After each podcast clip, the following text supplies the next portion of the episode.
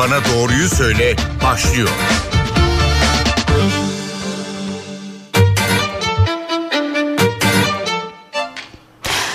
NTV Radyo'da Doktor Bana Doğruyu Söyle başladı. Ben Zeynep Gül Alp. Son dönemde çevremizden sık sık grip haberleri duyar olduk. Ateşi olanlar, boğaz ağrısı çekenler, öksürenler, halsiz olanlar var. Bununla birlikte bir tridemi ve Aralık ayında beklenen bir yeni Covid salgını da var. Bugün Doktor Bana Doğruyu Söyledi. Bu gelen sık sık gelen grip haberlerini, tridemiyi ve Covid-19'u konuşacağız. Konuğumuz Bilim Kurulu üyesi ve göğüs hastalıkları uzmanı Profesör Doktor Tevfik Özlü. Hocam hoş geldiniz geldiniz yayınımıza. Merhabalar, çok teşekkür ederim. Şimdi hemen hocamıza sorularımızla başlayalım. Şu an grip vakaları mı daha fazla, Covid vakaları mı hocam ve en çok hangi şikayetlerle geliyorlar? Aslında şu anda e, ayrıcı tanı çok yapılamıyor. Çünkü daha önceki yıllarda biliyorsunuz pandeminin ilk ortaya çıktığı yıllarda herhangi bir solunum yolu hastalığı belirtisi olan herkes hemen bir panik ve telaşla e, hastaneye koşuyordu ve test yapılıyordu. Neye ait olduğu, hangi hastalığa ait olduğu bu şekilde saptanıyordu. Oysa şimdi çoğu kişi böyle bir hastalığı e, geçiriyor. E, ne hastaneye ne hekime gitmiyor. Test de yapılmıyor. Çoğu hastanede gittiği zaman da test yapılmıyor. Dolayısıyla tam olarak hani görmek, e, karşılaştırmak bu rakamları doğru değil. Ama şu anda benim gördüğüm bir şey var. Ee, Covid dışı diğer e, enfeksiyonlarda da artış trendi başlamış durumda. Yani grip ya da işte rinovirüs ya da RSV ya da işte parainfluenza virüs ya da Covid dışı diğer e, koronavirüslere bağlı solunum enfeksiyonlarında artış görünüyor. Türkiye verilerini Sağlık Bakanlığı sayfasından izliyorum ben. Oradaki veriler her sene olduğu gibi aslında epidemiden şey, pandemiden önceki yılları kastediyorum. Pandemiden önceki yıllarda alışık olduğumuz gibi Ekim ayı içerisinde 40. haftadan itibaren başlayan bir artış trendi var. Bunun hani Kasım ayında da devam edeceğini düşünüyorum. Tekim yeni Kasım ayının ilk hafta verileri var elimizde şu anda. Artış e, devam ediyor. Bu artış hem hekime başvuran hastalar arasında böyle solunum yolu enfeksiyonu bulguları olanların sayısında bir artış var, oranında bir artış var. Hem de alınan örneklerde pozitif çıkan e, hastaların oranında artış var. Dolayısıyla beklendiği gibi solunum enfeksiyonlarında bir artış var. Covid'de diğer taraftan Sağlık Bakanlığı verilerine bakarsanız hani 15 günlük e, vaka sayıları çok bir artış görmüyorum ben ama dediğim gibi test yapılmadığı için bunu tam e, şey olarak e, e, ya, gerçeği yansıtıyor mu yansıtmıyor mu? Burada bir tabi her zaman soru işareti var. Hı hı. ama e, mevsim itibariyle orada da bir artışın olması bekleniyor tabii ki. Şimdi Türkiye'deki durumu siz çerçevelediniz. Amerikan Hastalık Kontrol ve Önleme Merkezi'nin açıkladığı veriler var. Bu sezon şimdiye kadar en az 1,6 milyon kişi grip olmuş Amerika'da. 13 evet. bin kişi hastaneye kaldırılmış. 730'u da hayatını kaybetmiş. Mevcut hastaneye yatış oranı pandemi öncesi sezonda gözlemlenenden yaklaşık 5 katıymış ve bu grip e, durumu da uzun da sürüyor anladığımız kadarıyla 15 gün kendine gelemediğini söyleyenler söyleyen hastalar var. Neden bu kadar uzun sürüyor hastalık ve virüs neden bu kadar direnç kazandı? Aslında tabii bunun sebebi Covid-19 pandemisi gibi görünüyor. Çünkü son iki yıldır e, pandemi nedeniyle e, diğer solunum yolu virüslerine bağlı bir salgın yaşamadı dünya. Dolayısıyla bu virüslerle karşılaşmadık. Onlara karşı bağışıklık, toplumsal bağışıklık, kitle bağışıklığımız azaldı. Daha az duyarlı hale geldik e, ya da daha çok duyarlı hale geldik. Direncimiz azaldı öyle söyleyelim. E, bir de ikincisi özellikle bebeklerde daha ağır seyrediyor. Bu hastalık e, Amerika ve Kanada verileri öyle gösteriyor. E, bu da özellikle son iki yılda doğan bebeklerin hiç bu virüslerle karşılaşmamış olması pandemi nedeniyle ve bu virüslere karşı herhangi bir direnç bağışıklık sisteminde bir cevap, reaksiyon olmaması onları daha duyarlı hale getiriyor ve daha ağır seyredebiliyor. Daha önceki dönemde e, Güney Yarımküre ülkelerinde de bu tür hastalıklar, grip ve diğer solunum enfeksiyonlarının sayısında çok bir artış vardı. Şimdi Kuzey Yarımküre ülkelerinde de benzer bir trendin olması bekleniyor. Amerika ve Kanada'dan gelen ilk veriler de bunu destekliyor. Türkiye'de de hani rakamsal e, veriler zaman içinde daha net ortaya çıkacak ama gözlem siz de belki çevrenizde görüyorsunuzdur.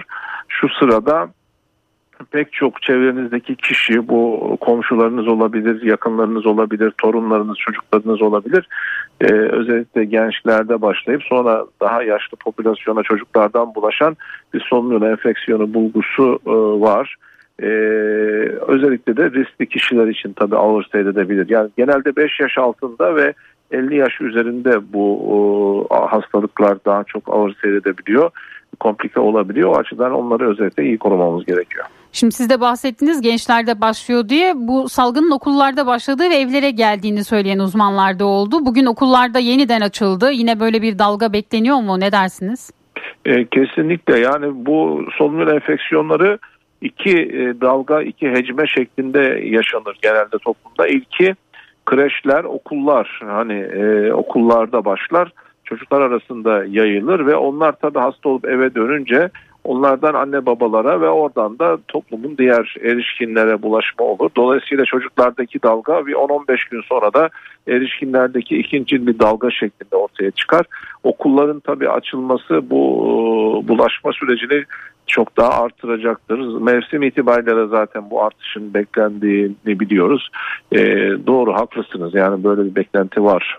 Şimdi Sağlık Bakanı Fahrettin Koca da geçtiğimiz günlerde demişti ki Aralık ayında vakalarda Covid vakalarında bir artış olabilir. Herhalde bu tatil sonrası dönemden dolayı Aralık ayına dikkat çekti Bakan Koca. Ne dersiniz? Bu artış ne kadar büyük bir artış olur ve günlük vaka sayısı hangi rakamlara ulaşır? Yani dikkat ederseniz dünyadaki verilere Almanya'da, Fransa'da, Avrupa ülkelerinde böyle bir artışlar görüldü, görülüyor. Ee, uzak doğu ülkelerinde de var. Japonya, işte Güney Kore vesaire gibi. Ama e, şu andaki bu rakamlar pandeminin ilk e, yıllarında gördüğümüz rakamlar kadar güvenilir rakamlar değil işte. En büyük sorun hı hı. bu. Yani eskiden evet. diyelim ki bir yıl önce, iki yıl önce hepimiz bir hasta olduğunda apar topar hemen hastaneye koşuyorduk, test yaptırıyorduk ama şimdi öyle bir durum yok. Dolayısıyla ben bu rakamlar üzerinden bir yorum yapmanın, bir değerlendirme yapmanın çok gerçekçi olduğunu düşünmüyorum. Hı. Bunlara bakarak artış var veya yok demek de yanıltıcı olabilir. Ama her halükarda şu aşamada dediğim gibi mevsimsel olarak bu tür hastalıkların arttığını, artmakta olduğunu, artacağını söyleyebilirim. Burada tabii e, şöyle bir durum var. E, bu hmm, e, hastalıklar arasında ayrıcı tanı kolay değil. Yani toplumda bunu hasta olan kişiler ya da çevresindeki kişiler yapamaz. Yani bu Covid miydi, grip miydi ya da yoksa RSV miydi bunu zaten söyleyemezsiniz ama hastanede de bunu söylemek kolay değil. Benim gözlediğim e, hani test yapılan hastalarda bile negatif çıkan vakalar çok grip e, e test grip açısından PCR yapılıyor negatif, Covid açısından PCR yapılıyor negatif, rinovirüs bazen bakılıyor negatif olabiliyor. Hı hı. Bunların ayrıcı tanısı zor artık bence çok da e, şey değil, e, gerekli değil eğer hafif olgularsa bunlar çok ağır seyreden risk grubu, komplike olabilecek kişiler değilse Covid de bunlara katıldı. Artık bundan sonra her daha önceki pandemiden önce gördüğümüz o son yıl enfeksiyonlarına neden olan virüsler arasında Covid-19'a neden olan virüs de yerini almış görünüyor. E, gençler için, sağlıkta olanlar için, bağışıklık sistemi iyi çalışanlar için çok büyük bir risk yok. Yani genelde hafif ayakta atlatılan işte nezle, grip, soğuk algınlığı gibi semptomlarla seyreden bir hastalık tablosu. Ama bebeklerde, çocuklarda özellikle 5 yaş altı, 2 yaş altında çok ağır ve ölümcül seyredebiliyor maalesef. Bir de yaşlılarda tabii 50 yaş üzerinde ve kronik hastalığı olan yaşlı olmasa da e, orta yaş grubunda yer alsa da kronik hastalığı olanlarda risk fazla maalesef. Onları çok iyi korumamız lazım. Şimdi hocam biz Covid döneminde birçok varyant adı duyduk ve işte yeni bir varyant ortaya çıktı diye alarma geçildi. Şu an ne durumdayız? Farklı bir varyant var mı ya da bir öyle bir beklenti var mı? Hastalığın belirtilerinde de bir değişiklik var mı? Şimdi e, dikkat ederseniz hani e, ilk salgının başlangıcından bu yana e, seyri e, izlersek e, virüsün e, mutasyonlarla e, kendini değiştirdiği ve bizimle yaşamayı öğrendiğini söyleyebiliriz. Yani bu bilinçli bir tercih değil aslında ama virüsün hani e, hayatını devam ettirebilmesi için böyle bir mutasyon e, mutasyonun e, ona avantaj sağladığını biliyoruz ve o e, mutasyona geçiren virüsler hakim oluyor sonuç itibarıyla. E, e, bu e, evrim e, şu an itibariyle virüsü daha daha hafif hastalık yapan, daha az öldüren, hatta öldürmeyen bir virüs haline dönüştürdü. O bizimle yaşamayı öğrendi. Bundan sonraki mutasyonların ve ortaya çıkabilecek olan varyantların bunun e, aksi olma olasılığı var mı? Evet var ama bu düşük bir olasılık. Yani ben böyle gelişeceğini ummuyorum. Ben e, yine de bu ortaya çıkabilecek olan yeni varyantların tabii izlenmesi gerekiyor. Dünya Sağlık Örgütü zaten bu e, varyantları yakından izliyor ama şu ana kadar endişe verici, çok endişe verici bir durum yok. Sadece şöyle bir şey var. Bu omikronun alt varyantlarında e, aşılarla elde edilen bağışıklıktan ya da hastalığı geçirilerek elde edilen bağışıklıktan büyük oranda kendini kurtarabilen yeni varyantlar var. Bunlarla ilgili bir salgın olabilir. Böyle bir olasılık konuşuluyor. Ama henüz bunu destekleyen böyle endişe doğurucu bir gerçeklik yok. Bu bir olasılık olarak kenarda duruyor ve takip ediliyor.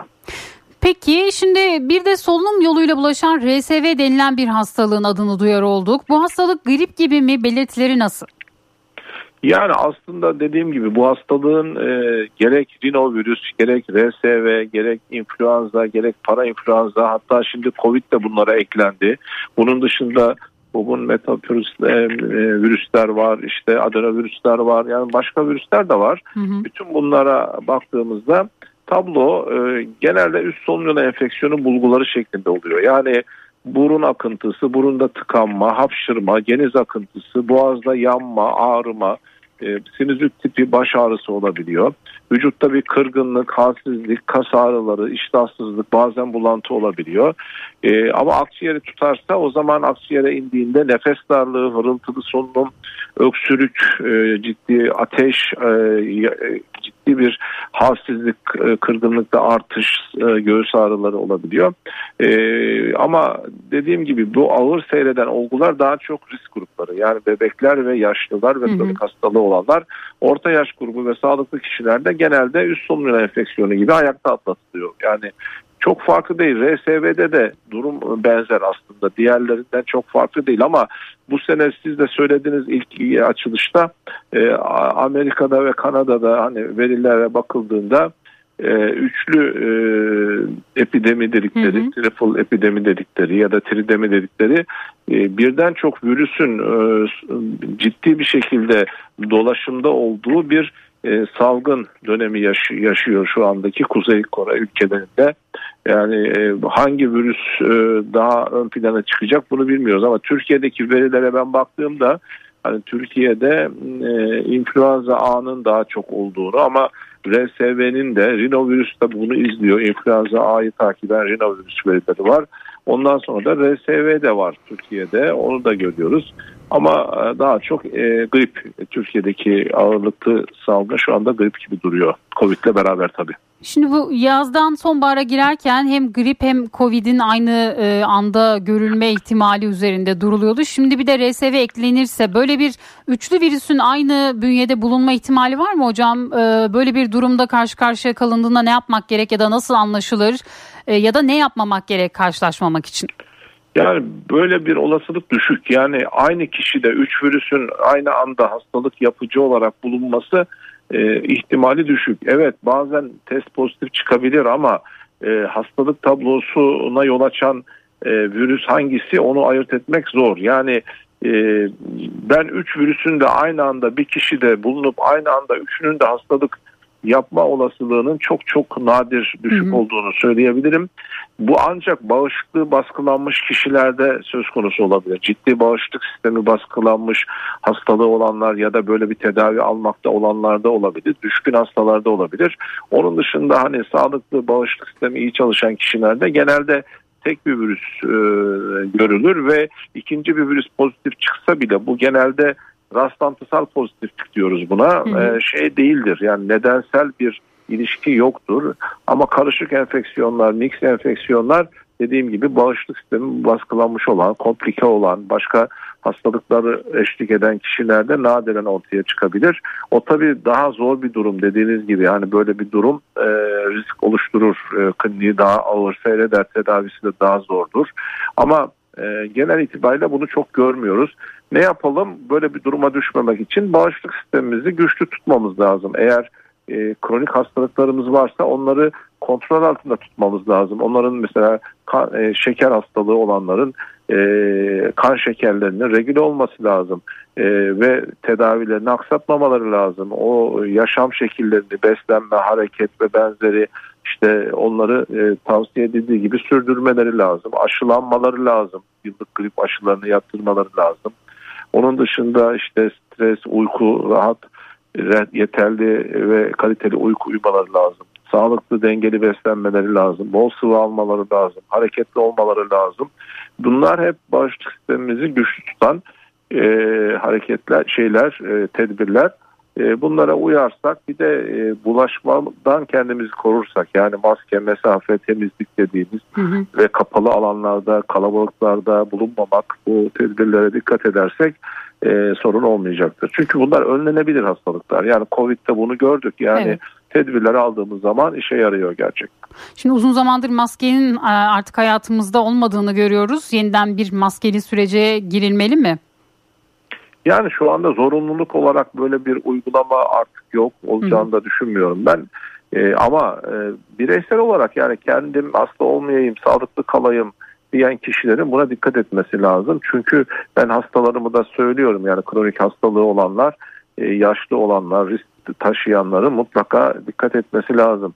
Hani en iyisi kalabalık, kapalı, dar, iyi havalandırılmayan mekanlara, sosyal alanlara çok girmemeleri. Eğer girmek gerekiyorsa da mutlaka maskelerini takmaları ve en kısa zamanda oradan ayrılmaları ve mümkün olduğu kadar diğer insanlarda mesafeyi korumaya çalışmaları, ellerini herkesin dokundurduğu yüzeylere mümkün olduğu kadar dokundurmamaları, eğer tutunmak zorunda, dokunmak zorunda kalırlarsa ellerini yıkamaları ya da alkol bazlı dezenfektanlarla dezenfekte etmeleri bunlar e, e, risk gruplu kişileri korumak için çok önemli. Ama bundan daha önemli bir şey söyleyeyim. Aslında hepimizi ilgilendiren bir şey.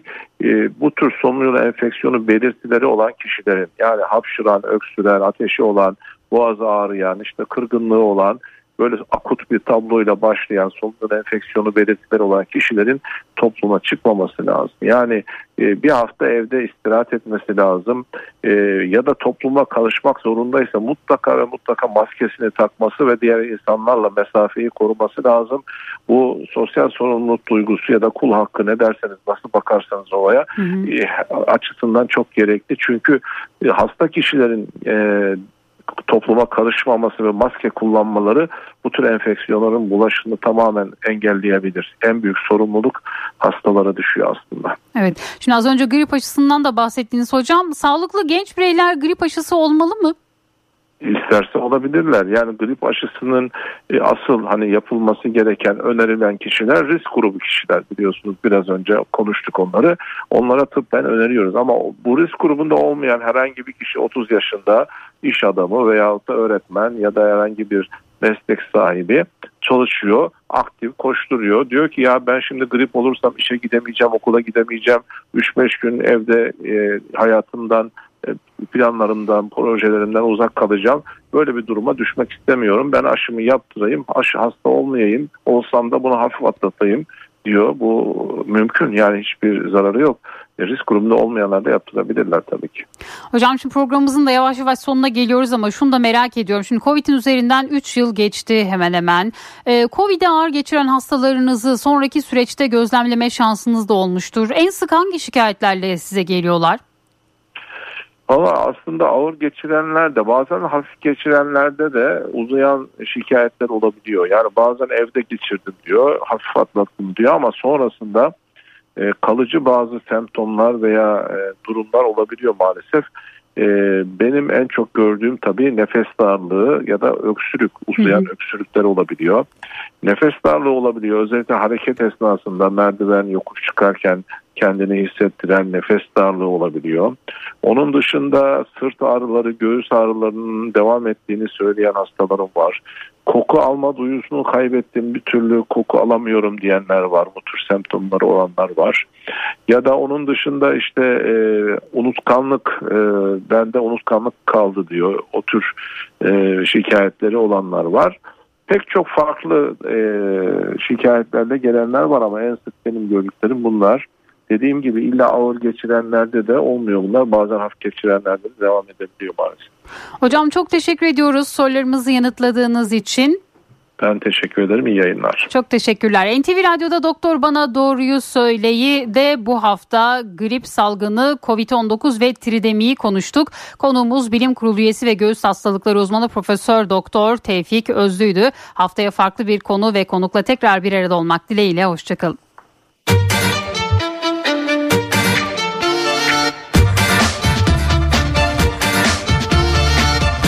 Doktor Bana Doğruyu Söyle